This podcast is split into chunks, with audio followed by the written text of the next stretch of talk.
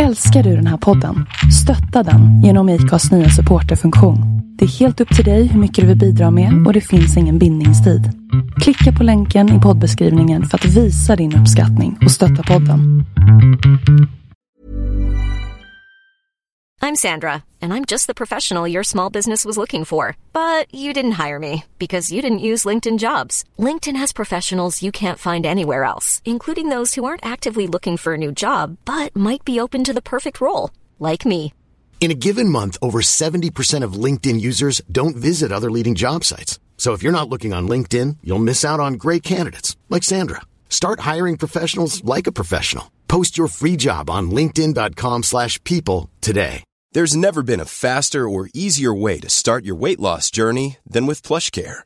PlushCare accepts most insurance plans and gives you online access to board-certified physicians who can prescribe FDA-approved weight loss medications like Wigovi and Zepbound for those who qualify. Take charge of your health and speak with a board-certified physician about a weight loss plan that's right for you. Get started today at plushcare.com slash weight loss. That's plushcare.com slash weight loss. plushcare.com slash weight loss. Jag är stolt över att vara influencer. Jag behöver inte kalla mig för content creator eller inspiratör bara för att influencer kan vara ett fult ord för vissa. Mitt namn är Linda Hörnfeldt och du lyssnar på avsnitt 129 av We Are Influencers. Frida Kummerfelt är dagens gäst och hon eh, skulle bli brottmålsadvokat. Någonting som hon bestämde sig för vid tio, redan vid tio års ålder. Eh, men i 30-årsåldern efter en lång utbildning och ett gäng år som praktiserande advokat så eh, sadlade hon om och blev influencer med inriktning på mode för plus size kvinnor. Där hon tyckte att det ekade tomt blev hon en person som höjde rösten för snygga, tjocka tjejer i snygga kläder och ett liv i vardagslyx. Vi pratar om hur det är att faktiskt vara 35 plus när man börjar jobba som influencer och faktiskt vet vad man är värd. Eh, och Frida berättar om hur hon har jobbat skithårt för att uppnå det här engagemanget som hon har hos sina följare idag. Och att hon aldrig ser algoritmen som sin fiende. Här kommer min intervju med Frida Kummerfelt. Vill du också ha tusentals följare, jobba på dina egna villkor och samarbeta med stora varumärken? Jag hör dig. Att vara sin egen chef och att skapa som jobb, det är fantastiskt. Men det är också hårt jobb. Så innan du ger dig in i en tuff bransch med höga krav, ladda ner min gratis nybörjarguide med de sex första stegen till att bli en framgångsrik influencer. Du hittar den på lalinda.se influencerguide. lalinda.se influencerguide. Hej och varmt välkommen till podden Frida Kummerfelt! Tack så jättemycket. Vi sa jag rätt nu? Jag säger Kummelfält hela Nej. tiden så insåg jag att det är fel. Det är Kummerfält. Kummerfält. Mm. Eh, hur ofta får du också stava F-E-L-D-T? Mm, Varje gång jag bokstaverar mitt namn. Ja, det är som jag. Hörnfält, det, är det F-Ä? Nej, ingen stavar fält i sitt namn med Ä. Fält, F-Ä-L-T. Eh, anyway. Eh, varmt välkommen till podden. Vill du berätta lite grann, vem är du? Ja, jag är ju en eh, Skånebaserad eh, influencer som har hållit på med sociala medier sedan eh, ja, 1800 för sig, eller i, i princip alltid. Ehm, men eh, valde den rätta, inom citationstecken, vägen när jag då valde att studera på juristprogrammet. Så att i nästan tio år jobbade jag eh, som brottmåls, Eh, och eh, samtidigt som jag då drömde lite hemligt om att vara influencer. Och sen så började det gå bättre för mig. Och då Mm. valde jag att ta tjänstledigt ett halvår. Och så fortsatte det gå bra. Då tog jag tjänstledigt ett halvår till och så fortsatte det gå bra. Och då sa jag upp mig och nu jobbar jag heltid som influencer. Alltså det här är ju Jag har ju en liten dröm att göra tvärtom. Jag har väl börjat intressera mig väldigt mycket för, för lag och rätt och, och, och den biten. Eh, så jag kanske då, du vet, går åt andra hållet. Men alltså, för nu är ju du, du är ju en influencer inom eh, mode, eh, trender, alltså plus size community, där är du ju liksom the queen. Eh, vilken vändning! Alltså berätta mer om mm. den, här, den här resan. Ja, men så här, lång historia kort. När jag var tio år nej, gammal. Nej, vi har massor med tid. Ja. när jag var tio år gammal så bestämde jag mig för att jag skulle bli brottmålsadvokat. Och sen har jag, har jag haft tunnelseende på det genom hela min studietid. Mellanstadie, högstadie, gymnasiet och sen då universitetet. Och kämpa, kämpa, kämpa, lång väg innan man kan då liksom få sin advokattitel. Och när de då ringde mig från Advokatsamfundet och sa grattis, då vill vi välkomna advokaten in i Advokatsamfundet. Det här skulle vara den lyckligaste dagen i mitt liv. Då blev jag helt tom. Därför att då blev det så här, jaha, vad gör jag nu? Och nu då? Jag är 30 år gammal och ska liksom jobba med detta i 40 år till. Har jag kanske fler drömmar? Och den där äh, rösten, vad har jag för fler drömmar? Jag kunde inte skaka av mig den. Utan den liksom bara växte och växte och pockade på uppmärksamhet. Och eh, Eh, samtidigt så höll jag då på med sociala medier, men jag fick det aldrig att liksom flyga. Eh, det blev väldigt stort, jag kunde aldrig tjäna pengar på det och jag köpte ju din bok och drömde om att en dag ska det här vara mitt yrke. Och sen hade jag en kompis som är... För er som inte har koll på det här då så släppte jag en bok 2018 som heter Yrke Influencer.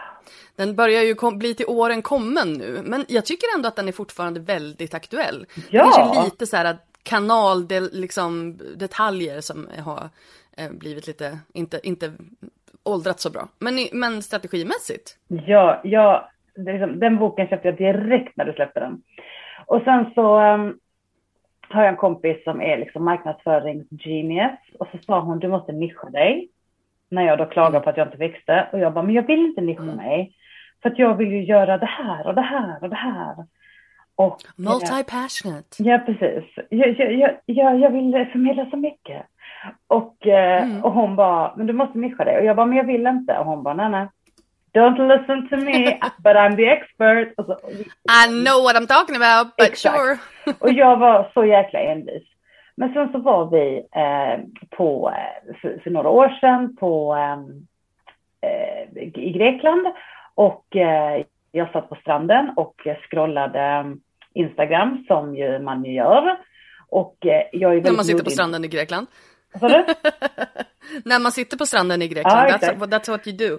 Mm. Ja. Och sen är jag ju väldigt modeintresserad, har alltid varit och jag scrollar alla mina modekonton och klickar ju mig in på kläderna de visar för att jag vill också köpa dem. Bara för att hela tiden se att plaggen finns inte i min storlek. Och jag blev så himla Relate. frustrerad och tänkte bara, mm. motherfucker, alltså varför kan det inte bara finnas en snygg tjock tjej med snygga kläder? Oh. Vänta lite nu. Ja. Varför finns det ingen snygg tjock tjej med snygga kläder? Jag upplevde att det inte fanns på den, i den svenska marknaden, utan antingen var man modetjej och då ser man ut på ett visst sätt, eller så var man mer av en mm. kroppsaktivist. Eh, mm. Och, och jag, jag, ville bara ha snygga kläder.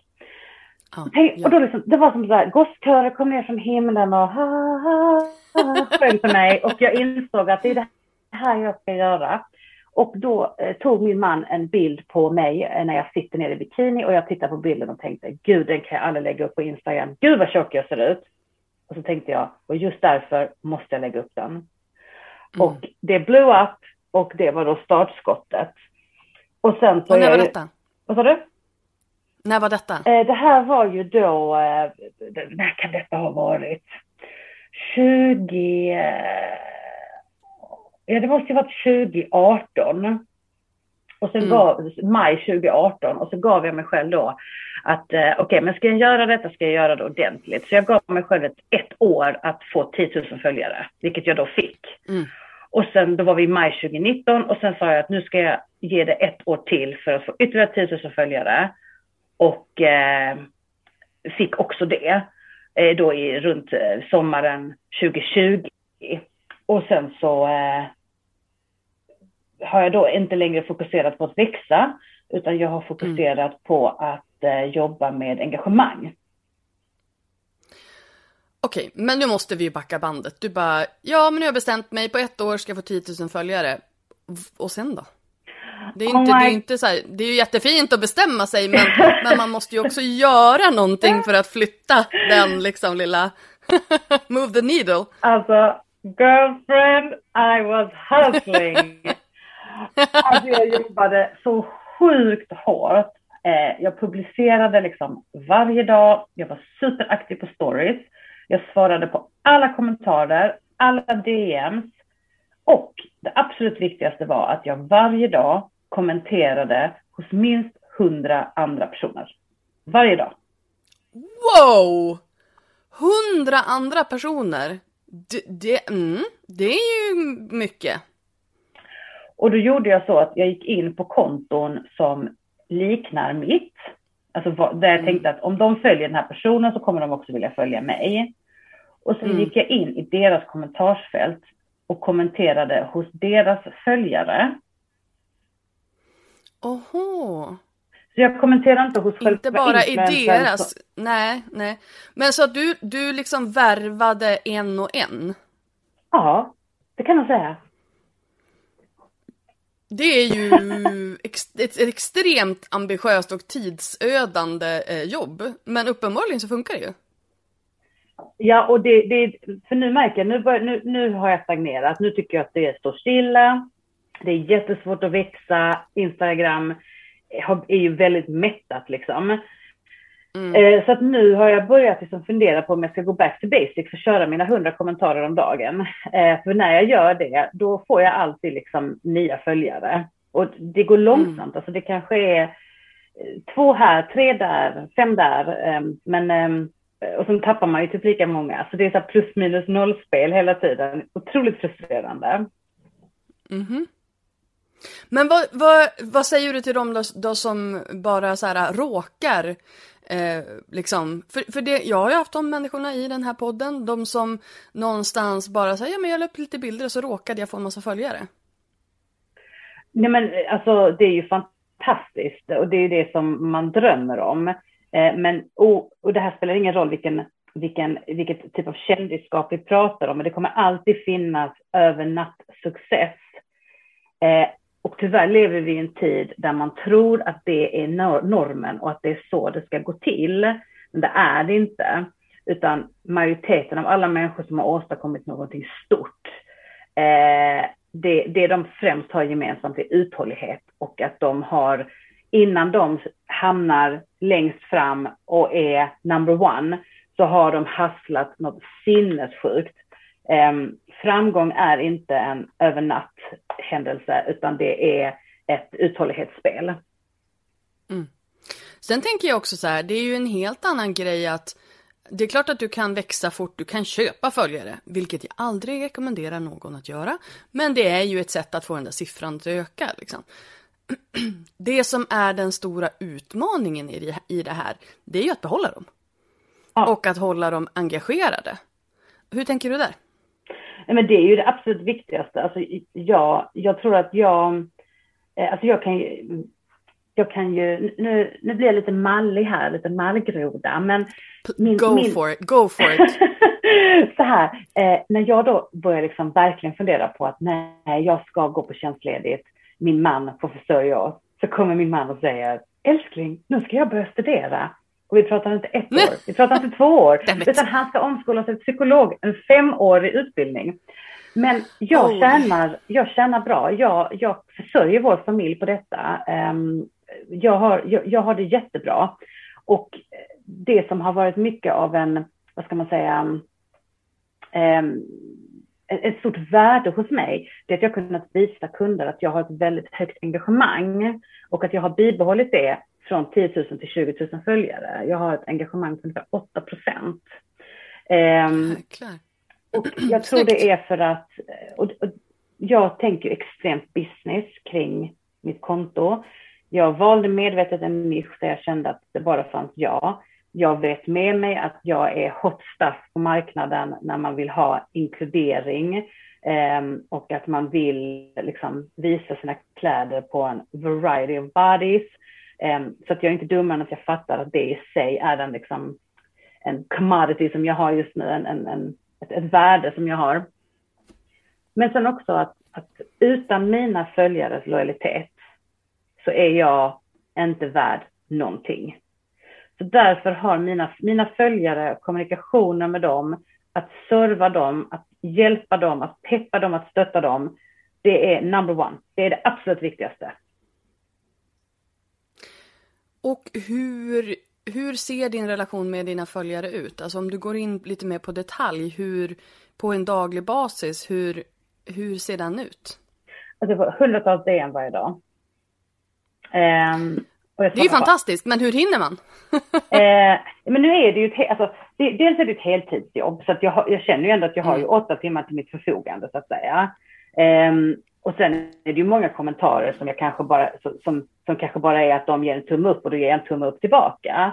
Eh, ibland mm. så händer det att jag får kanske mycket frågor på ett ämne, då skriver jag bara så här, vet du vad, det här lägger jag ett blogginlägg för jag vill utveckla mer, eller vet du vad, eh, det här kommer jag lägga nu i stories. Eh, till exempel om jag får 70, 000 frågor om vart någonting är ifrån, så säger jag, vet du vad, jag länkar det i stories istället. Det är också ett sätt att omdirigera min trafik in i mina stories igen för att öka mm. eh, antal visningar på mina stories. Mm. Eh, och det är där du kan länka? Ja. Eh, och mm. sen så sen gör jag ju medvetet saker som jag vet skapar engagemang. Typ att jag ibland inte alltid skriver ut var någonting är ifrån. För då får jag ju 71 000 Oh you naughty girl! Yes. You naughty girl! Nej men då får jag ju kommentarer var allt är ifrån. Och jag vet att mm. det finns influencers som är irriterade på sina följare. Som hackar på dem för att de använder oss som Google. Men jag mm. känner bara, och det är klart att, ja det är väl klart att jag också kan ibland bli matt av mängden frågor jag får och ibland sinnessjuka frågor som om jag är på en restaurang. Var är stolarna ifrån? The fuck did I know? Det är en restaurang liksom. Men någonstans är det så här, den dagen de slutar komma till mig, då är jag inte längre relevant. Så att jag har så svårt att förstå influencers som säger så här, men läs, jag har länkat och jag skriver alltid ut, varför kollar du inte mina taggar? Um, ni är så lata. Men, men jag känner bara att så länge, de, så länge de kommer till mig, då är jag relevant. Det där är ju en ödmjukhet som jag ändå känner eh, kan saknas ibland i, i influencerbranschen. För som du säger att jag förstår också att man kan bli matt. Jag får också väldigt mycket samma frågor hela tiden och jag kan också bli matt. Men jag har ju skrivit ett inlägg om det här och man bara ja, jo, fast det faktum att de inte har varit inne på din blogg och letat reda på ett blogginlägg som är tre år gammalt, det kanske inte är jätteorimligt. Um, så att jag, där får jag ju också se det lite grann som att jag är kundservice och att det är en del i mitt jobb mm. att um, liksom leda dem rätt. Kanske inte ta reda på vad stolarna på restaurangen är ifrån. Men åtminstone någonstans dela det som är då delad i din business, alltså det du har på dig. Och det där är ju också en sån här grej, för mig frågar ju folk typ aldrig var mina kläder är ifrån. Men det är ju för att jag inte har riktat in mig mm. på det. Eller så har jag bara inte så bra stil. Det kan, det kan vara en blandning. uh, men, men istället så kanske de frågar mig var min, var min kamera kommer ifrån. Mm. Eller vilka program jag använder till någonting. Så det, är ju, det handlar ju om var man är vad man influerad inom. Men om mina um, följare såg oss nu, då hade de frågat mig var dina glasögon är ifrån, var din kopp är ifrån, var din tapet är ifrån. Eh, men då kan jag göra det lätt för dig. Mina glasögon, glasögon är från Tom Ford. Eh, min tröja är från Lindex och min tapet är Hanna Wendelbo för Midbeck. Och koppen då? Koppen? Koppen är det faktiskt en kompis till mig som har gjort. Eh, hon heter Linnea Öberg, hon heter Design andra bullar på eh, Instagram. Eh, det är en keramikkopp som hon har handgjort. Ja, fick vi in det också? mm. men det där är ju så här, och, och ibland, så, ibland önskar jag att folk skulle fråga mig, för jag bara, ja men jag har mycket skitbra grejer som jag vill tipsa om. Då kanske det är upp till mig också att börja tipsa om dem. Mm. För att folk ska fråga mig tillbaka. Um, men du, du känns väldigt så här, väldigt business, väldigt självklar och självsäker. När Tack, det gäller fint. Ja men det- är, den, det är den viben jag får liksom, att du känner såhär ja men vadå, det är väl klart att jag ska ha betalt, det är väl klart att, att de ska komma till mig, det är väl, det är väl klart att, och, och du säger att jag bara, jag vet att jag är en commodity i branschen och då blir jag såhär, yeah you go girl. Eh, för att, för det är ju sant. Det är ju väldigt många som inte har den självklarheten, den känslan, utan i slutändan har svårt att separera sig själv och sin person från sin business. Någonting som verkar väldigt självklart för dig. Ja, alltså jag tror så här. Jag är väldigt glad att jag nu blir influencer när jag är 36 och inte 26. För att när jag var 26 var jag a hot mess. Och nu är jag liksom närmare mig medelåldern, jag har blivit mussa, du vet, jag har bott i villa. Jag är liksom... Du är inte 40 jag, plus. jag, jag är liksom close to middle age och det finns en, och en stor dos självkänsla kommer enbart av Ja. åldrande, upplever jag. Trygghet. Absolut. Agreed. Ehm, och sen så tror jag att jag känner mig väldigt, jag vill ju aldrig som det känns nu gå tillbaka till mitt juristjobb, utan det här är vad jag vill göra. Men det är klart att det finns en otrolig trygghet i att jag har en utbildning och jag kan falla tillbaka på någonting om det skulle behövas. Ehm, men för mig var det väldigt viktigt att, att bestämma mig för att, du och jag var ju på en konferens där de sa så här, det är väl ingen som bestämmer sig för att bli influencer, det är bara någonting som händer.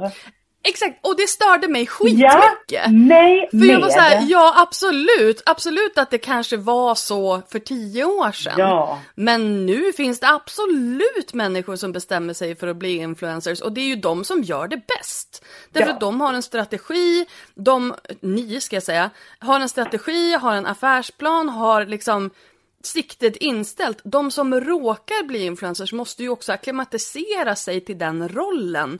Vilket kan vara väldigt smärtsamt på massa olika sätt. Eh, Just för att man inte vet sitt eget värde. Man vet inte vilken approach man ska ha till annonsörer. Man vet, alltså du vet, det, det är ju det är jättemycket som man måste lära sig och man är väldigt ensam. Mm. Så att det faktum att, nej det störde mig skitmycket. Ja. Jag minns inte vem det var som sa det, men jag var så här. Uh, no. Nej, jag bestämde mig för att bli influencer. Och, och precis som alla andra företagsidéer och startups så måste man ha en affärsplan, en strategi, man måste göra to-do-list, man måste ha kortsiktiga och långsiktiga mål, man måste se vad funkar, vad funkar inte, vad måste jag tweaka, gör om, gör rätt. Så där håller jag på hela tiden. Och jag blir Ehm. så pepp när jag hör det. Jag blir så pepp när jag hör dig prata. Jag bara ja! Och sen är det så här, absolut att man kan lyckas utan de här sakerna, men det går ju så sjukt mycket långsammare.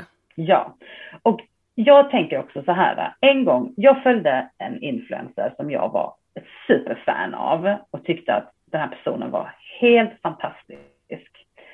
Eh, sen lärde jag känna den här personen IRL och personen var helt annorlunda än på sociala Never medier. meet your idols. Vad sa du?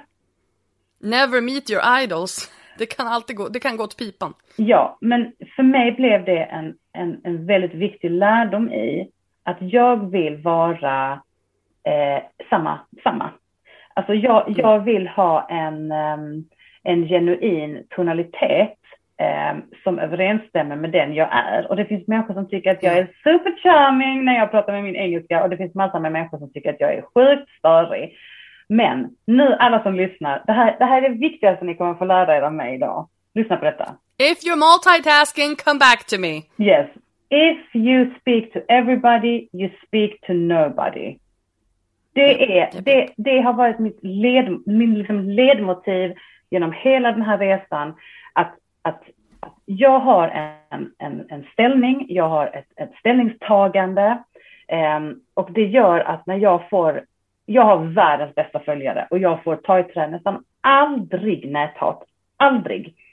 Men om jag får det, kritiska frågor på att jag uppmuntrar till konsumtion till exempel, eller nu när det kommer till Den valet och jag har liksom tagit min take på, på, på vad jag tycker, så är det såklart mm. att människor då, vissa, eh, är kritiska till, till mig, eh, vilket för mig är en absolut chock hur man ens kan vara. Men okej, okay, de är det. How do you not like me? och, eh, men då har jag bestämt mig för att, fast jag har ett ställningstagande och det, genom att, inte i alla frågor, men i sina kärnfrågor vara tydlig med vad man tycker. Det är klart att jag tappar mm. följare, men de som blir kvar, oh my god vad de blir ännu mer lojala. De är inte följare, de är min tribe. De är liksom mm. min ride or die. Um, mm. Och det är det som gör att mitt engagemang är så högt. Det är det som gör att mina följare kommer till mig för allt. För att de känner att de genuint, hoppas jag, det är så jag upplever det, att de kan lita på mig, de vet var jag står och att jag inte är en kappvändare. Utan de vet vad de mm. får hos mig och om de inte gillar det kan de gå, men de som gillar det, de verkligen stannar. Det där är ju, du, det där är copy-paste på min egen, eh, liksom, jag copy-pastade det där till min egen, eh, hur jag tänker på det här. När jag, eh, som sagt, jag har varit aktiv i, eh, jag eh, har kandiderat under det här valet. Eh, jag är aktiv för Centerpartiet i Örnsköldsvik och har ju pratat om det här i mina kanaler. Och tidigare har jag liksom inte pratat så mycket politik, jag vill prata politik som i feminism och eh, allas lika värde och du vet sådana saker, men inte partipolitik. Och när jag då började göra det under sommaren eh, och nu in mot, mot valet så tappade jag jättemycket följare. Och, och det var ju, det är klart att det liksom jag blev inte ledsen som i att jag kände oh, why do you not like me? Men det är klart att det blir ju att man, man känner ju att man, man tappar lite styrfart liksom. När man känner att, oh, gud, oh, det här, du vet, man, man jobbar i motvind.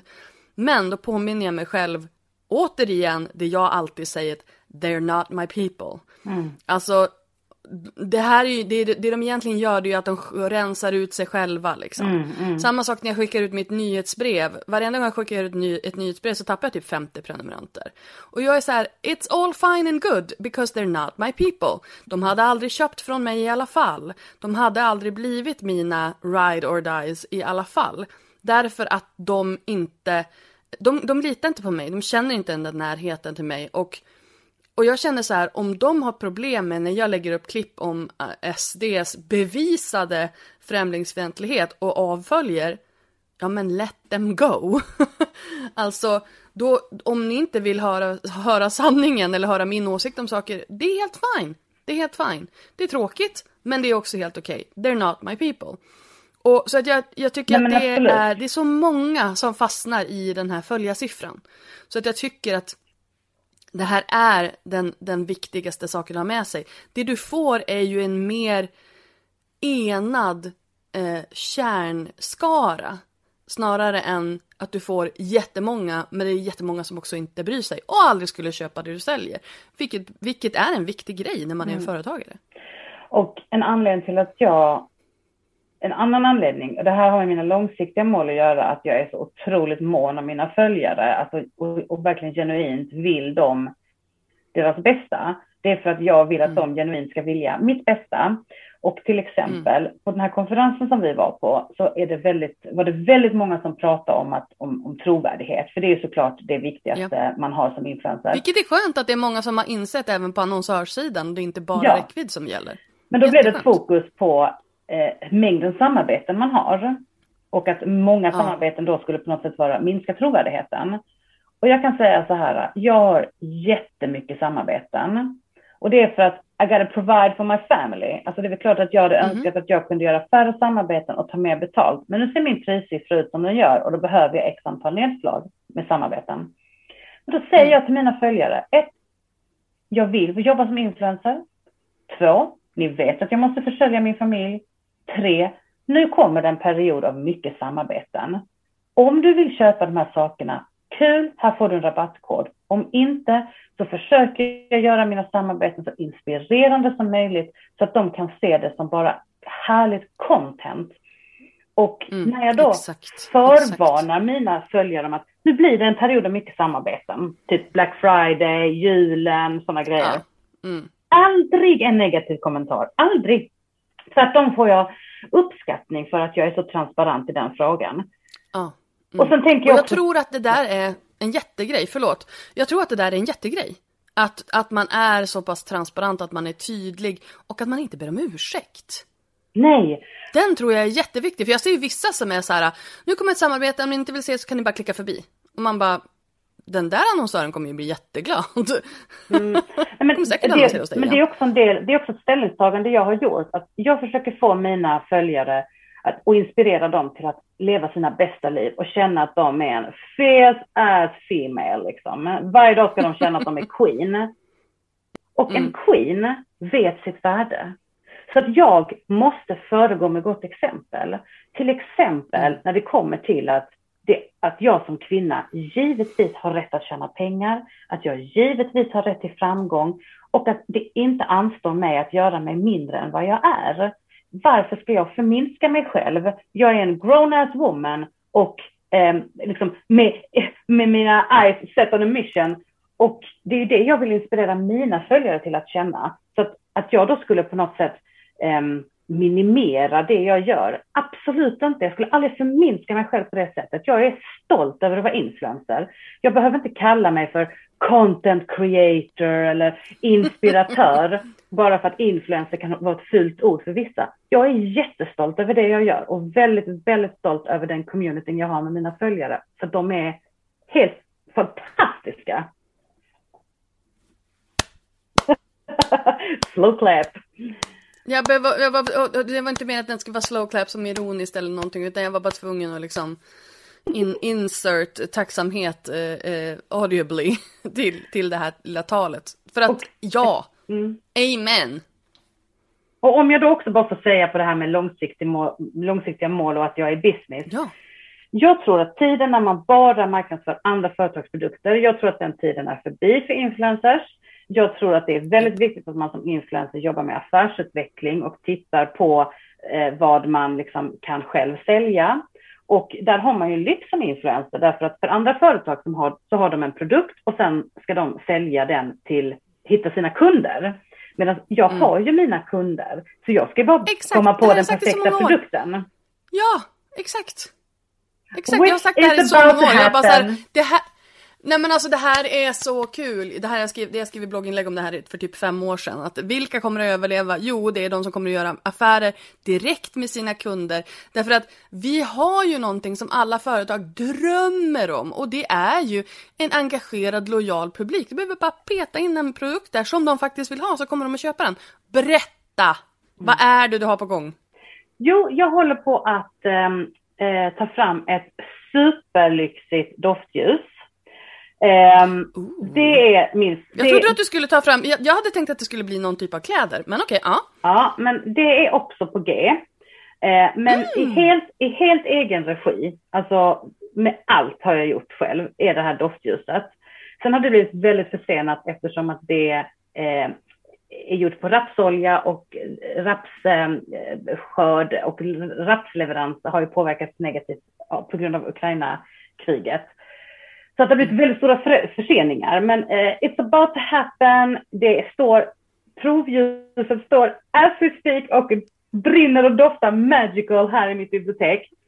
Um, så att jag är väldigt excited och det här är ett sätt för mig att testa min, eh, mina följare uh, och också testa mm. mig själv som entreprenör för att det jag har inte riktigt sett eller känt att jag är en entreprenör men nu börjar jag känna att kanske att det ändå finns en liten entreprenör i mig som vill komma ut.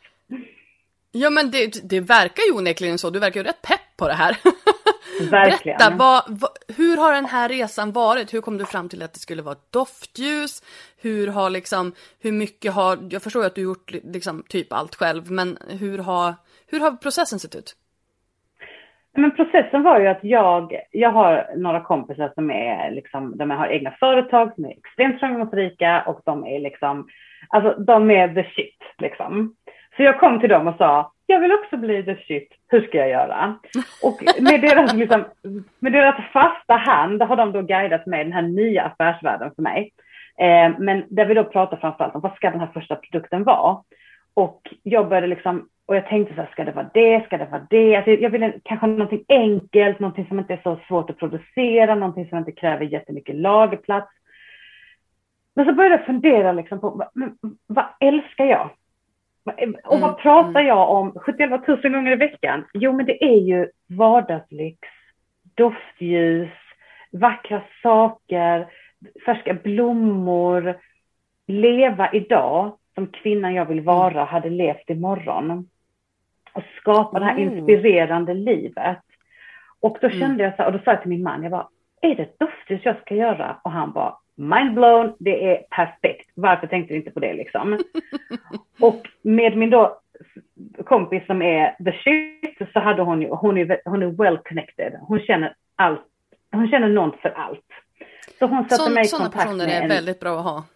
Ja, men alltså, att de ens finns, det är helt sjukt. Alltså, jag kan ringa, jag Helt bara, sjukt. jag har ont i ryggen. Hon bara, jag har en massör som kan komma hem till dig. Jag bara, va?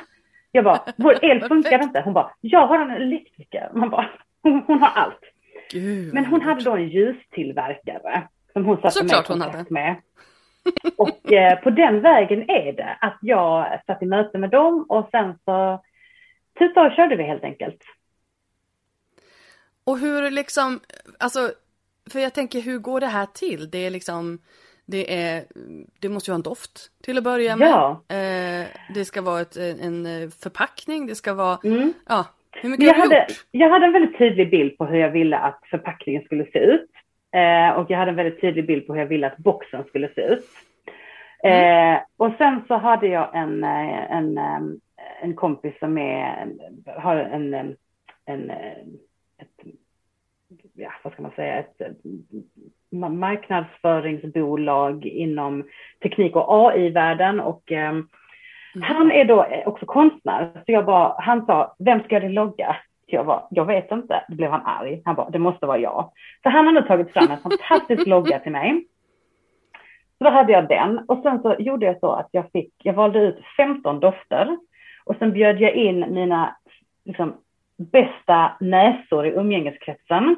Allt ifrån liksom syrran och, lilla syrran och hennes polare till mamma och hennes polare och sen folk däremellan.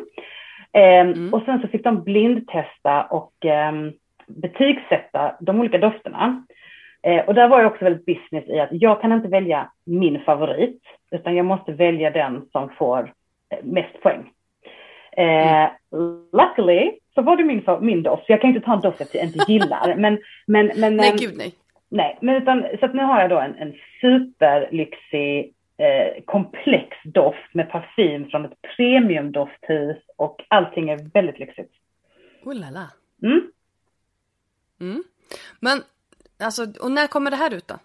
Det, det vet jag inte, eh, för att det är så osäkert På, på grund av rapsoljan? Men jag hoppas att det ska bli liksom inom, ja men typ att det ska bli liksom oktober, november treat som sen, för det är ju också då man kanske börjar med sina doftljus främst. Ja. Men det här, ska ju, inte- det här ska ju inte bara vara någonting som du tänder för att det ska vara varmt i rummet, utan det här ska ju vara en ritual. Det här är ju en, det här är ju någon, när du tänder det här ljuset så ska det ju eh, tingla i din själ alltså. Oh, det här ljuset ser jag fram emot. jag gillar när det tinglar i min själ. Um, Okej, jag vill backa lite grann till eh, samarbeten. Ja. Eh, och eh, med liksom dina kunder. För det första, så här, när du då skulle komma igång med det här och göra samarbeten. Hur, hur gjorde du? Var, vilken ände började du? eh, att jag mejlade ut eh, jättemycket och fick en miljon nej. Ehm, men när jag fick ja så eh, var det inte betalda samarbeten utan det var att jag fick produkter. Och Mm. för mig då så kändes det helt okej. därför att Mm. jag behövde content. Och sen försökte jag göra, jag har också haft turen att vara gift med en fotograf. Så att jag försökte göra väldigt ambitiösa em, samarbeten. Em, Mm. som var av extremt bra bildkvalitet och inspirerande och snygga att titta på. Och, sådär. Mm. och sen började jag ju så smått liksom, ta betalt, så här, 500 kronor. Bara för att liksom, börja våga. Och sen Mm. så nästa gång så kanske jag vågade säga 800 kronor. Och sen 1000 kronor. Och, sen, och så där höll jag på, liksom, höjde och höjde och höjde för att se liksom, var det skulle sluta någonstans. Eh, så så började det. Och sen, Jag menar, vart, vart är vi någonstans nu? Vad var det, för, vad var det för, för eh, företag du jobbade med? Och sen, gör du dina samarbeten nu själv eller jobbar du med mellanhänder eller hur, hur, hur jobbar du? Eh, på alla olika sätt. Eh, vissa samarbeten är direkt med kund, att de har hört av sig till mig. Vissa samarbeten är via sådana här förmedlartjänster, typ Cure och Beatly och alla dem. Och sen så har jag mm. också, ja, sen blev jag också upplockad av en agentur som säljer in samarbeten till mig. Ehm, och det är ProAd? Det är ProAd, som... ja precis. Ja, det var de som arrangerade den här konferensen som, som eh, vi har pratat om, ja. eh, IM Expo i Malmö. Och eh, ProAd, det har ju gett mig jättemycket liksom, eh, vad ska man säga, stuns i stegen därför att de har ju satt ju en prisbild på mig och sen ja. har ju den funkat. De säljer ju på den prisbilden och det gör ju att jag känner att okej, okay, men då, då, då, då, har jag ju den prisbilden. Men sen när jag förhandlar själv mm så kan jag ju gå ner eftersom att ProAd får ju en del av kakan såklart för att de förmedlar ju själva samarbetet. Så att när jag då förhandlar själv så, kan jag ju, så har jag ju en viss prutmån.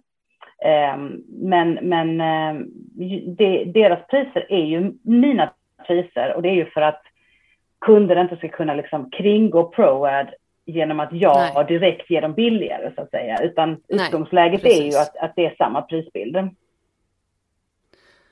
Det är ju sjukt coolt att ha fått en agentur. Mm. Hur är det att jobba med dem? Eh, jag tycker det är jättebra. Ehm, det som är skönt i nuläget är att jag får lov att fixa egna samarbeten också. Och det tror jag att mm. jag behöver därför att de flesta influencers i vårt stall är ju enormt stora. Alltså jag är ju mm. liten fisk i havet. De är superstora influencers. Bland annat är det ju Camilla Hamidov. Hon är nästan en, mm. alltså inte hon på typ en halv miljon följare eller något sånt där. Helt galet mycket i alla fall. Ja men någonting sånt. Seina är ju också, Seina ja. är ju också, ligger ju också där. Hon är ju också enorm. Absolut. Eh, så att så att, och du är ju inte riktigt inom samma skrå heller. Så det är, för det är det där jag tänker på att de måste ju sälja in extremt må många olika, alltså Seina och Camilla kan väl till, till viss del. Men jag tänker att du kanske inte har dem, den typen av annonsörer, utan att de måste hitta andra annonsörer till dig. Det måste ju vara ett jäkla jobb liksom. Men det verkar som att det går väldigt bra för dem. Ja, alltså ProAd är ju den enda agenturen som jag vet i Sverige som jobbar för influensen och inte för kunden.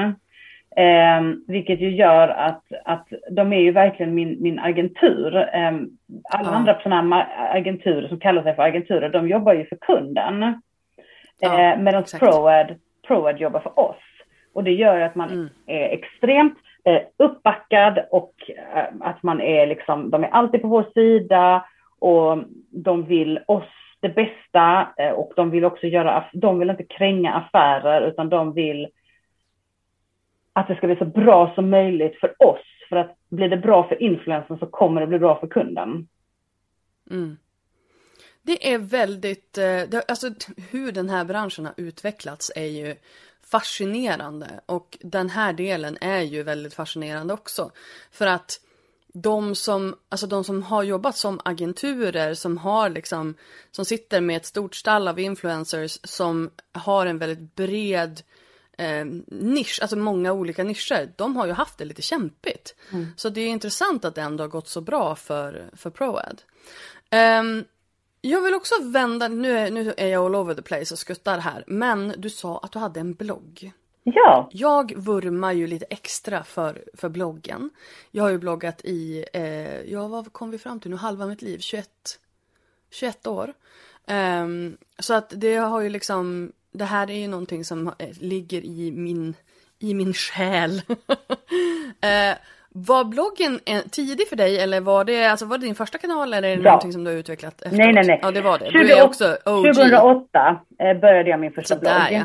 Mm. Mm. Och så var det någon extremt smart person som jag tror kallar sig för Linda som sa att den enda kanal man äger det är sin blogg. Såvida, alltså att den mm. är på en egen eh, domän. Mm. Och mm. det där, oh my god, it hit my soul. det där har jag burit med mig alltid. Så att jag har väl liksom av och till alltid haft blogg. Nu måste jag mm. erkänna mm. att jag känner att Det är kämpigt med bloggen. Eh, det är kämpigt med Instagram. mm. eh, men jag känner samtidigt att bloggen måste jag ha och framförallt nu då när jag ska börja med, ehm, eh, med ehm, detaljhandel, att jag kommer ha en mm. Shopify mm. kopplat till min, hem, min hemsida. Mm. Eh, och jag ska också ge den ett uppsving med, med annonser och att den ska byggas om och bli skitsnygg och inspirerande och en del i mitt empire. Så att, um, mm. men det, jag är ju rädd för att bloggen är död. Det är det som är min skräck på något sätt. Alltså, så här. Bloggen är ju inte, har ju inte generellt så stor uppmärksamhet som den en gång hade. Men jag tror att bloggen får så pass uppmärk mycket uppmärksamhet som man ger den. Jag ser ju att jag får mer läsare när jag väl bloggar. Um, men jag har ju också ett, ett stadigt flöde varje dag även när jag inte bloggar som kommer från Google. Mm. Uh, så att jag tänker ju så att det jag har på bloggen är ja, men dels dagboksinnehåll för mig, för att jag ska komma ihåg vad jag har gjort med mitt liv. Mm. Um, och dels sånt här evergreen content, alltså ja. sånt som lever över tid. Uh, inte där, det här gjorde jag idag, utan um, till exempel uh, så här kan du jobba med affiliate-länkar till exempel. Det är ju ett inlägg som folk kommer att googla sig till och som de eh, kan använda oavsett hur gammalt det är. Eh, jag har också haft en sån här plus size shopping guide. Den är extremt ouppdaterad nu. Eh, för den här gjorde jag ju typ 2015 kanske, 16. Mm. och har uppdaterat den eftersom men nu har ju nästan alla stora märken eh, plus size avdelningar eller curve eller vad du nu vill kalla det. Vilket är en extremt fantastisk utveckling. Eh, men den här får jag ju, jag får ju eh, trafik till den hela tiden och det är ju affiliate-länkar på den. Mm. Så där tjänar jag också lite pengar. Så jag tänker att den typen av inlägg skulle ju du med fördel eh, kunna göra. Alltså typ, kanske inte evergreen men åtminstone typ så här i säsong. Baddräkter eller vad det nu kan vara för någonting. Att det här är det som gäller nu. Um, så att jag, jag tror ju stenhårt på bloggen, men man behöver kanske vara lite mer strategisk. Det som jag, så som det kommer att bli framöver är att bloggen är mer som en, alltså det är mer som artiklar. Därför att... Ja, men det är det jag tror är bra. Ja, därför att det här med dagboksbloggeriet, det mm. har, måste, har jag lagt på hyllan därför att det gör jag i stories. Alltså jag är extremt aktiv i mina ja. stories och då blir det liksom bara, ja men de har redan fått veta att jag gjorde alla de här sakerna för som fick veta det live. Nu får de veta det två dagar senare. Så jag har mer artikelformat. Jag gör lite för mig själv. Jag blir så här, men jag vill ju kunna gå tillbaka och läsa och jag kommer ju inte gå, jag är livrädd att alla stories ska försvinna. Så jag kommer inte gå tillbaka och titta på det liksom. Jag vill ju ha, jag hade en, en väldigt ambitiös tanke om att jag skulle ladda ner alla stories och göra typ så här månadsvloggar med alla stories från den månaden. Jag har inte gjort det. Eh, det är ett jävla hästjobb. Eh, så därför så försöker jag ändå underhålla ehm, bloggen med, med den typen av inlägg. Ehm, men jag tänker ändå att, som du säger, alltså att skriva artiklar, jobba med sökmotoroptimeringen. Att du har en kanal som jobbar med sökmotoroptimering och då tänker jag att antingen så är det eh, eh, bloggen eller så är det Youtube. Mm. Även om du inte äger Youtube så kan du jobba med SEO på ett annat sätt. Och sen kanske dra trafik till en mejllista eller någonting som du äger. Mm. That's, that's the way I'm thinking about it. Ja. Vad tänker du? Jo men så är det ju absolut. Men jag har också startat ett, ett nyhetsbrev. För att ifall någonting skulle liksom hända med kanalen så har jag ändå en, någon form av direktkontakt som jag äger. Ja, um, och sen så uh, är jag nu Alltså, sa folk till mig, du måste vara på TikTok. Och jag bara, oh my god, jag är gammal. Och så började jag, har jag börjat göra trevande försök på TikTok. Men igår gick jag viral för första gången. Oh my god. Enligt mina mått mätt. Alltså då hade jag ja, ja, ja, ja. 298 följare. Alltså jag har precis mm. börjat på TikTok. Mm. Ja, ja, men jag har typ 300 så att ja. Men nu har jag en video från igår som har fått 30 000 eh, tittningar tror jag. Eller 25 eller 30. Och jag har fått ja. över 250 följare. Och då var det ju, då var det ju åtminstone eh, rätt video och rätt följare. Jag gjorde en TikTok-video där jag pratade om eh, demokratiskt problem inför valet, det här när man får fler röster än vad man har, man, alltså, än man har kandidater. Alltså, alltså om man, om man får sex plats, platser i kommunfullmäktige men man har bara fem personer, vad händer då med den platsen som blir över? Och där fick jag typ, jag tror jag hade typ sist jag kollade 65 000 eller någonting. Men jag kanske har fått typ så 20 följare för att det, min, min kanal säger ingenting. Jag, sk jag tror jag skrivit i min bio så här, pratar vanligtvis om sociala medier, men jag har inte gjort det där. Så det är liksom så här, meh. Okay, Helt ja. väldigt oklart i vad, vad, vad, vad jag håller på med där, om jag ska vara där. Men, ja. Men jag håller nu på att utarbeta en eh, liksom, TikTok, tydlig TikTok-strategi och jag har en Mm. kompis som är TikTok-konsult som ska, jag ska bjuda henne på lunch och ska hon ge mig sina bästa idéer. Och eh, Mm. därför att TikTok görs ju om nu, att den ska bli eh, konkurrera med Google.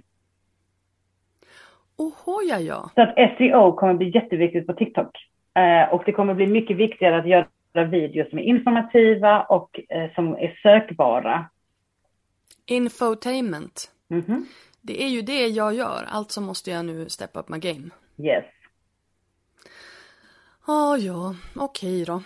Eh, eh, vi ska börja avrunda, men först så vill jag fråga dig, vad, för det första, vad händer, vad händer härnäst? Doftljuset, sen så hintade du kanske också eventuellt om att det skulle komma kläder. Mm. Det är så superhemligt, kan jag inte säga någonting om.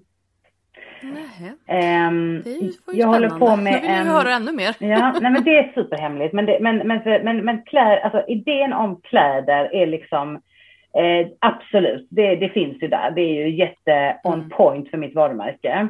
Eh, och sen Mm. håller jag också på att göra en webbkurs eh, tillsammans med en Mm. tjej eh, som jag har liksom blivit partner med i att göra webbkurser.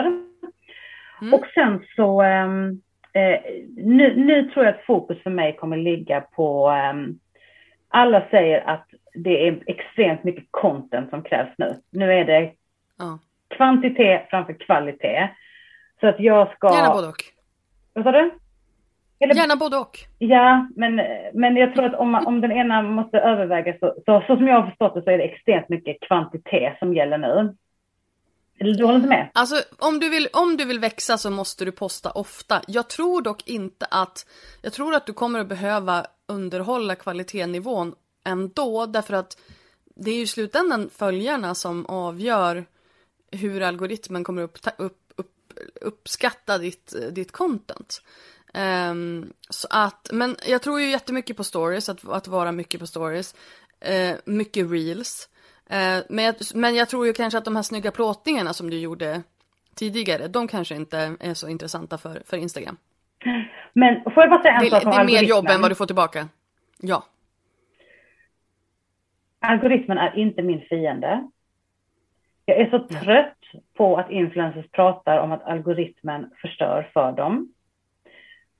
Därför att jag, och det är klart att jag, upp, alltså jag märker ju av algoritmen, alltså jag växer ju inte, jag, det står superstilla hos mig. Men det betyder inte att algoritmen straffar mig eller att den är dålig, utan det handlar bara om, som jag pratade om innan, att tweaka, att göra om, att göra rätt och sen någonstans väljer jag att tro. Det här är mitt mindset för att ge mig själv, för att inte jag ska få algoritmstress. Så länge jag är relevant så spelar det inte någon roll vilken algoritm som Instagram har.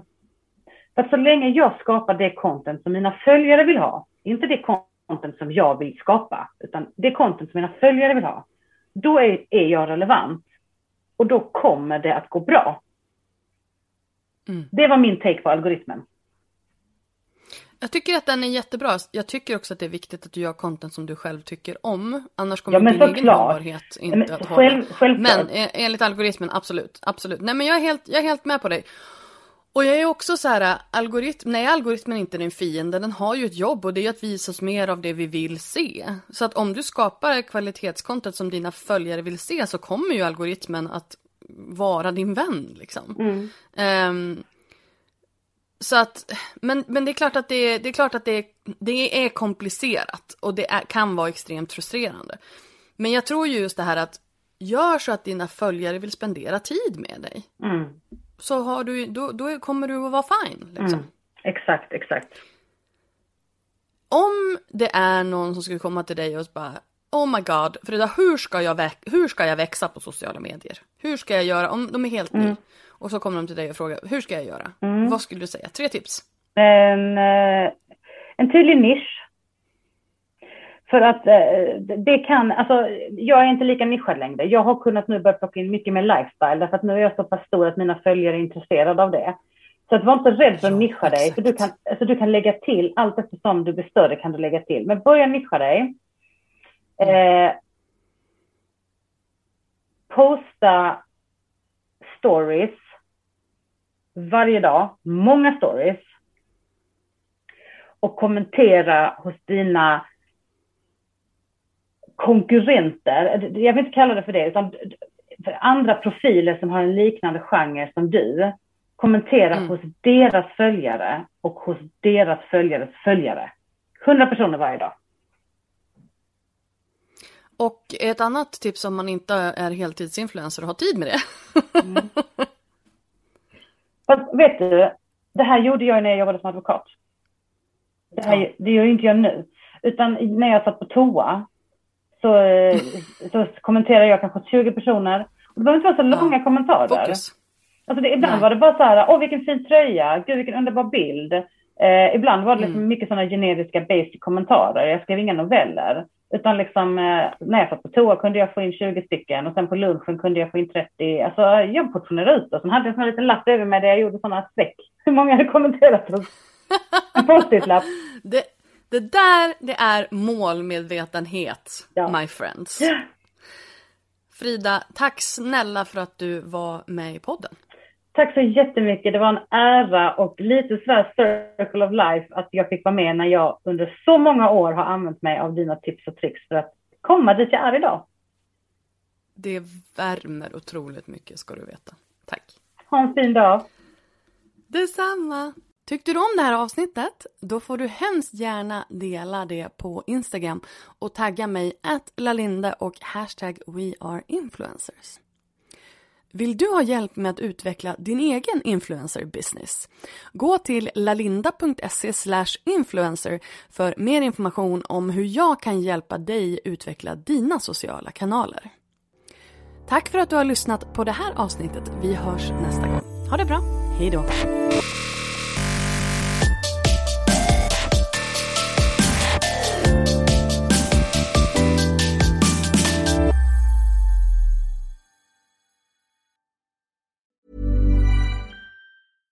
Hey, it's Paige DeSorbo from Giggly Squad. High quality fashion without the price tag. Say hello to Quince. I'm snagging high-end essentials like cozy cashmere sweaters, sleek leather jackets, fine jewelry, and so much more. With Quince being 50 to 80% less than similar brands. And they partner with factories that prioritize safe, ethical, and responsible manufacturing. I love that. Luxury quality within reach. Go to quince.com slash style to get free shipping and 365 day returns on your next order. Quince.com slash style.